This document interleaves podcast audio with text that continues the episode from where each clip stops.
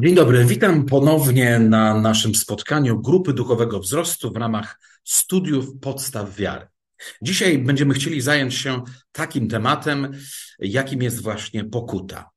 Dlaczego taki temat? Bo przecież niedawno poruszyliśmy kwestię nawrócenia, który w zasadzie jest bardzo zbliżony do tego pojęcia. Otóż pokuta e, w kontekście potocznego używania tego słowa czasem się rozbiega z biblijnym znaczeniem, ale nie tylko potoczne ma rozbieżność z Biblią, również i religijne, używane przez Kościół powszechny, ujęcie pokuty również oddala się od biblijnego wzorca. Zapraszam zatem na to studium. Udostępniam slajdy, byśmy mogli e, dostrzec zagadnienia, którymi się właśnie będziemy zajmować. Wychodzimy od e, pytań, pytań zasadniczych, e, które są potrzebne nam. Po prostu one pozwalają na to, że możemy w jakimś kierunku podążać w uporządkowany sposób. Pytania podstawowe. Skąd pochodzi pojęcie pokuty? Jaka jest definicja pokuty według słownika języka polskiego? Jakie są synonimy słowa pokuta według słownika synonimów? Jakie jest tradycyjne według Kościoła powszechnego e, rozumienie słowa pokuta? I jakie jest biblijne rozumienie pokuty? Skąd pochodzi pojęcie pokuty? Gdy otworzymy tekst Starego Testamentu, zauważymy, że tam Biblia mówi o tym, że określone zachowania są oczekiwane od człowieka, który jest świadom grzechu i przynosi ofiarę przebłagalną za swój grzech. I tam w języku polskim, jeśli chodzi o Biblię, tłumaczenia biblijne, mamy słowo pokuta. Jeden z takich wersetów to jest Księga Kapłańska, rozdział 5, werset 6. Pokuta jako ofiara za grzechy dla Boga. I niech przyniesie za swoje przewinienie, które popełnił jako pokutną ofiarę, ofiarę za wykroczenie, dla Pana samicę z trzody, owcę albo kozę na ofiarę za grzechy i kapłan dokona oczyszczenia go z jego grzechu. I tu jest użyte słowo pokutną ofiarę. Faktycznie jest to ofiara za wykroczenie. Nie ma jako takiego pojedynczego słowa pokuta w języku hebrajskim. Ono jest użyte w tym właśnie określeniu. Gdy tłumaczono tekst Pisma Świętego na język polski, użyto właśnie słowa pokuta. Ale w tym momencie to słowo oznacza, że to jest ofiara. Ofiara przebłagalna.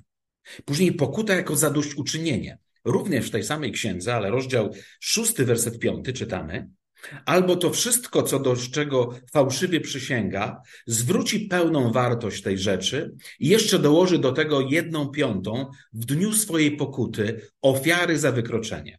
Odda to temu, do kogo to należy. Jak widzimy, tekst Pisma Świętego Starego Testamentu pokazuje nam użycie słowa pokuty w kontekście zadośćuczynienia i jakby ofiary przebłagalnej za grzechy. To mamy pogląd Starego Testamentu. Ale teraz, jaka jest definicja tego słowa pokuty według słownika języka polskiego? Pokuta według słownika w wielu religiach to kara za grzechy połączona z żalem i skruchą. Praktyka religijna, której celem jest udoskonalenie, czyli działanie na rzecz przez innych zwierzchników religijnych e, lub wybrane dobrowolne miejsce dla dośćuczynienia. E, oto właśnie jest definicja, że jest to w zasadzie kara za grzech. Jest to konieczność dokonania pewnej czynności, a szczególnie zadośćuczynienia Bogu, jak i wszystkim innym ludziom, dlatego że człowiek zgrzeszył. Tak jest rozumiane według słownika. Pochodzenie słowa pokutę to jest właśnie ciekawe, że to pochodzenie, etymologia tego słowa wskazuje nam właśnie na, na y, biblijne ujęcie nowotestamentowe, które za chwilę odkryjemy. Ale co nam mówi staropolszczyzna? Otóż słowo pokuta pochodzi z języka staropolskiego i ma korzenie w starosłowiańskim słowie pokut. Starosłowiańskie słowie pokut jest złożone z prefiksu po i rdzenia kut. Po jest prefiksem oznaczającym przekroczenie, przemianę, zmianę, a kut pochodzi od słowa kut, co oznacza kąt albo zakątek. W tym, w tym kontekście możemy powiedzieć po kącie, czyli za kątem. W tym kontekście słowo pokut może być interpretowane jako zmiana kierunku, odwrócenie się, nawrócenie. Jak widzimy, mm, raptem definicja słownika jest troszeczkę inna aniżeli pochodzenie samego tego słowa. Do czego to nas prowadzi? Za chwilę przyjrzymy się, że, że rdzenne znaczenie słowa pokut, które jest ze staropolszczyzny, jest bardzo bliskie biblijnemu znaczeniu tego słowa. Ale zanim do tego dojdziemy, zerknijmy jeszcze na to, jakie są synonimy tego słowa według słownika synonimów. Według słownika synonimów dowiadujemy się, że to jest ekspiacja, e, kara, odkupienie winy, odpokutowanie, odkupienie winy, skrucha, zadośćuczynienie, przebłaganie, spowiedź, groźba, kajanie, kaźń, konsekwencja, konsekwencja, przymus prawny, rygor, sankcja, środek represyjny. Proszę bardzo, ta, ta, tam ciężar gatunkowy tego słowa pokuta mm, w synonimach bardzo mocno przechylił się na stronę kary, zadośćuczynienia. I cóż to nam daje, kiedy spojrzymy na e, e, tradycyjne, powszechne rozumienie słowa pokuta, zauważymy, że w tym ujęciu jest to jeden z sakramentów. Jest to sakrament pokuty i pojednania. Co to znaczy? E, sakrament to jest tajemnica wiary, znana tylko wybranym, to jest wyznawcą Kościoła. Znajomość, przestrzeganie tej tajemnicy jest warunkiem zbawienia. Dlatego sakramenty są bardzo poważną, e, poważnym zagadnieniem w zakresie teologii i również pobożności e, wyznawców wiary Kościoła rzymskokatolickiego. Jest siedem sakramentów, chrzest, bierzmowanie, Eucharystia, pokuta, namaszczenie chorych, sakrament święceń i małżeństwa. Komunia święta, zwana inaczej Eucharystią, rozumiana jako ofiara, łączy się w tym kontekście właśnie z pokutą, z pokutą w formie poprzedzającej ją spowiedzi zadawanej pokuty, niejako karania lub zadośćuczynienia. Człowiek, który idzie do spowiedzi przed komunią, otrzymuje e, pewne zadanie do wykonania, czyli, czyli ma zadaną pokutę, coś w rodzaju kary. Czasami są to modlitwy, czasami są to inne czynności, ale sprawa jest taka, że kończy się to, jeśli odstępuje od konfesjonału i idzie do komunii, kończy się tym, że e, kapłan składa w ofierze ciało Chrystusa, które ściąga z nieba do opłatka i mówi się, że to jest ofiara i później się wypuszcza ludzi, twierdząc, że ofiara za ich grzechy została spełniona. Ma to oczywiście kontekst starotestamentowy, ale pytanie, czy rzeczywiście ma to związek z nauką Nowego Testamentu i z prawdziwą nauką chrześcijańską? I teraz y, możemy zauważyć taką kwestię, że już sami katolicy, którzy zastanawiają się głębiej nad znaczeniem, nad samym przeżyciem duchowym tego właśnie zjawiska jak spowiedź i uczestniczenie w komunii, zastanawiają się nad tym, y, czy modlitwa i dobry uczynek może być karą. Podczas spowiedzi zadawana jest pokuta w formie nakazu, odmówienia jakiejś litanii albo części różańca albo, albo przyjścia w dniu powszednim na mszę świętą. Ludzie zwykle przyzwyczajają się do takiego stanu rzeczy i nie budzi to w nich żadnego e, e, zdziwienia do momentu, kiedy nie postawią konkretnego pytania logicznego. Czy modlitwa może być pokutą za grzechy? Czy go, w ogóle można kogoś karać nakazem modlitwy? A dalej, czy często symboliczna i powierzchowna pokuta jako odklepana modlitwa może być rzeczywiście równoważyć grzech, czy zadośćuczynić grzechom, które mają wymiar bardzo ciężki, społeczny albo osobisty, psychiczny. To są bardzo ważne pytania, dlatego że Biblia i wiara biblijna nie jest nielogiczna. Co zatem, do czego dochodzimy? Jakie jest biblijne rozumienie pokuty? No bo to nas w zasadzie interesuje. Oczywiście dotykamy słowa pokuta w kontekście historycznym, w kontekście starotestamentowym, w kontekście etymologicznym, w kontekście e, dzisiaj powszechnego używania języka, ale zmierzamy do tego, by odpowiedzieć sobie na to pytanie z perspektywy Biblii. Z perspektywy Biblii dowiadujemy się, że po pierwsze, jeśli chodzi o grzech, którego się dopuszczamy, albo w ogóle dopuściliśmy kiedykolwiek, to tylko śmierć może pokryć wartość grzechu. I Pismo Święte powiada w Rzymian 6:23, albowiem zapłatą za grzech jest śmierć, lecz darem łaski Bożej żywot wieczny w Chrystusie Jezusie Panu naszym. A inny werset powiada, 1 Koryntian 5:7. Albowiem na naszą Wielkanoc jako baranek został ofiarowany Chrystus.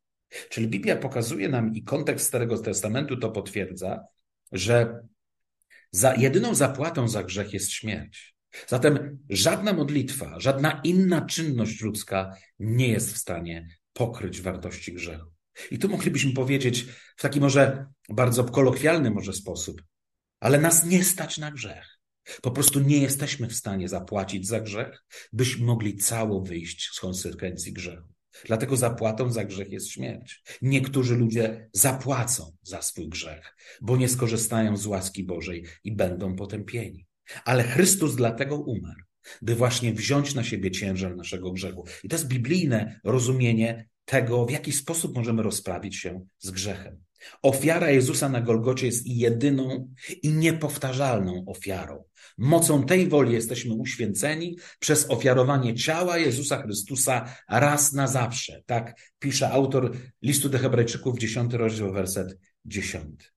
Czyli Pismo Święte podkreśla, że ofiara za grzechy została złożona raz na zawsze. Stąd też to ujęcie i połączenie pokuty jako e, skutku wyznawania grzechów i nałożonej przez kapłana kary czy powinności w formie modlitwy czy innych czynności przed ofiarą, czyli przed mszą, na której w, w Eucharystii składane jest w ofierze ciało Jezusa, ona jest niespójne z Biblią. Jak można składać ofiarę, która już raz na zawsze została złożona? Zatem pokuta w tym ujęciu jako kary i jeszcze wzmocniona składaniem ofiary w Eucharystii, ona nie należy do biblijnego rozumienia. Zatem jakie jest to biblijne? Przed chwilą przeczytaliśmy. Pismo Święte mówi nam o słowie, mm, pokazuje nam słowo pokutę, która w niektórych tłumaczeniach Biblii jest ujęte, ale zazwyczaj występuje pod postacią innego słowa. I tak mamy Ewangelię Łukasza, rozdział 13, wersety 3 do 5. I tam Pan Jezus powiada, bynajmniej powiadam wam, lecz jeżeli się nie upamiętacie, wszyscy podobnie poginecie. Bynajmniej powiadam wam, lecz jeżeli się nie upamiętacie, wszyscy tak samo poginiecie. I tu właśnie jest to słowo kluczowe, które czasem w niektórych tłumaczeniach zostało ujęte w słowie pokuta, czyli bynajmniej jeżeli nie będziecie pokutować, wszyscy podobnie poginiecie. Ale co to znaczy to słowo upamiętanie czy pokuta w tym miejscu? Tekst Pisma Świętego był pisany w języku greckim.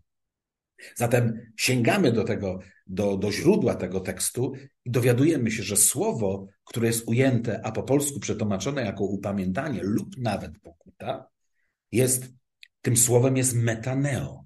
Co to znaczy? Metanoja, metaneo znaczy przemianę umysłu. Zmiana rozumu, sposobu myślenia. I, a co za tym idzie? Zmiana postępowania. I jak się okazuje, gdy badamy to słowo, badamy kontekst tekstu i nauczania Nowego Testamentu, rzeczywiście nie ma miejsca tam na jakąkolwiek karę w momencie pokuty. Jest oczywiście skrucha, ale skrucha nie może być wywołana groźbą kary. Skrucha jest wywołana świadomością popełnionego przestępstwa i niechęcią obrażenia samego Boga, a nie tym, że ja się boję, że mi grozi kara. Albo ja karą próbuję płacić swoją własną za ten grzech, którego dokonałem. Nie stać mi na ten grzech, a tylko zmiana umysłu przez szczerą wiarę może pozwolić na oczyszczenie i zmianę życia. Skąd się zatem wzięło w teologii chrześcijańskiej takie pojęcie, że pokuta zaczęła przybierać znaczenie kary? Otóż na przełomie IV i V wieku była tłumaczone Pismo Święte Starego i Nowego Testamentu z hebrajskiego i greckiego na język łaciński. Oczywiście język łaciński powoli zaczynał być dość powszechnym i używanym e, językiem, a szczególnie stał się w pewnym momencie liturgicznym językiem w Kościele rzymskokatolickim. Ale co ten język nam tu powoduje? Jakie znaczenie to ma, że, że ten język ktoś wprowadził? Pytanie, czy słusznego, czy mniej słusznego? Otóż, gdy weźmiemy ten tekst, który przeczytaliśmy przed chwilą z Ewangelii Łukasza i przetłumaczymy go na język łaciński i skoncentrujemy naszą uwagę na właśnie tym słowie, gdzie w greckim brzmi metanoja, zmiana umysłu, to w łacinie zobaczymy słowo penitentia, które oczywiście w pierwszym znaczeniu ma skruchę, ale z drugiej strony jest to y, raczej skrucha związana z poniesieniem kary bądź uczynieniem zadośćuczynienia. Co jest ciekawa rzecz, że dzisiaj nawet w związku z tym mamy określone słowa, nazwy zakładów karnych, które przybrały y, łacińską, spolszczoną wersję łacińskiego słowa penitentia i mamy zakłady penitencjarne. Czy to są zakłady, które mają na cele przemianę umysłu? Na pewno tak, cele są takie, ale przede wszystkim w potocznym określeniu i rozumieniu są to zakłady karne, że ktoś tam siedzi nie dla tylko zmiany umysłu, ale przede wszystkim dla odsiedzenia, zadośćuczynienia, bądź też odbycia swojej kary. Zatem widzimy pochodzenie zmiany tego znaczenia tego słowa pokuta, gdzie z przemiany umysłu, która jest doświadczeniem indywidualnym, bardzo osobistym, głębokim, głęboko duchowym jednostki, człowieka grzesznika, zmienia się w formę, w formę praktyki karności i zadośćuczynienia, co spłyca znaczenie nawrócenia i zbliżania się do Boga. Bo jeśli ja mogę sobie coś zrobić ze swoim grzechem, to pytanie jest, to po co Chrystus umierał, skoro ja mogę pokutą, karając siebie, mogę wykupić swoje grzechy. W ten sposób w świetle tylko biblijnej egzegezy tekstu Pisma Świętego zaznacza się zasadnicza różnica w rozumieniu zagadnienia pokuty. Ewangeliczny protestantyzm e, przyjął z zasady biblijne znaczenie słowa pokuty, czyli metanoja, zmiana umysłu, ponieważ Pismo Święte jest jedynym najważniejszym autorytetem wiary dla protestantów. Podsumowując, możemy powiedzieć, pokuta według Biblii to świadoma zmiana myślenia i postępowania osoby, która wyznała swój grzech. Dobre uczynki to jest tylko owoc upamiętania, a nie liturgiczna forma przebłagania za grzechy, ani też zapłata albo kara za nie. Jan Chrzciciel powiedział, a zapisane jest to innymi w Ewangelii Mateusza 3:8. Wydawajcie więc owoc godny upamiętania. I tu jest to słowo metaneo, czyli wydawajcie owoc godny waszej pokuty. Zatem rozumiemy, iż pokuta to nie kara, iż pokuta to nie zadośćuczynienie. Pokuta to zmiana myśli, pokuta to zmiana sposobu postępowania, a zadośćuczynienie za grzechy i krzywdy, które czynimy, to nie jest forma odkupienia grzechów, to jest forma rekompensaty szkód, które ponieśli nasi poszkodowani ludzie przez nasze niewłaściwe zachowania. Zapraszam zatem do głębokiej analizy, do zmiany myślenia, które najlepiej przychodzi wtedy, kiedy zbliżamy się do źródła prawdy, jakim jest Pismo Święte. Niech Bóg błogosławi naszą indywidualną, głęboką i osobistą pokutę. Dziękuję serdecznie za uwagę.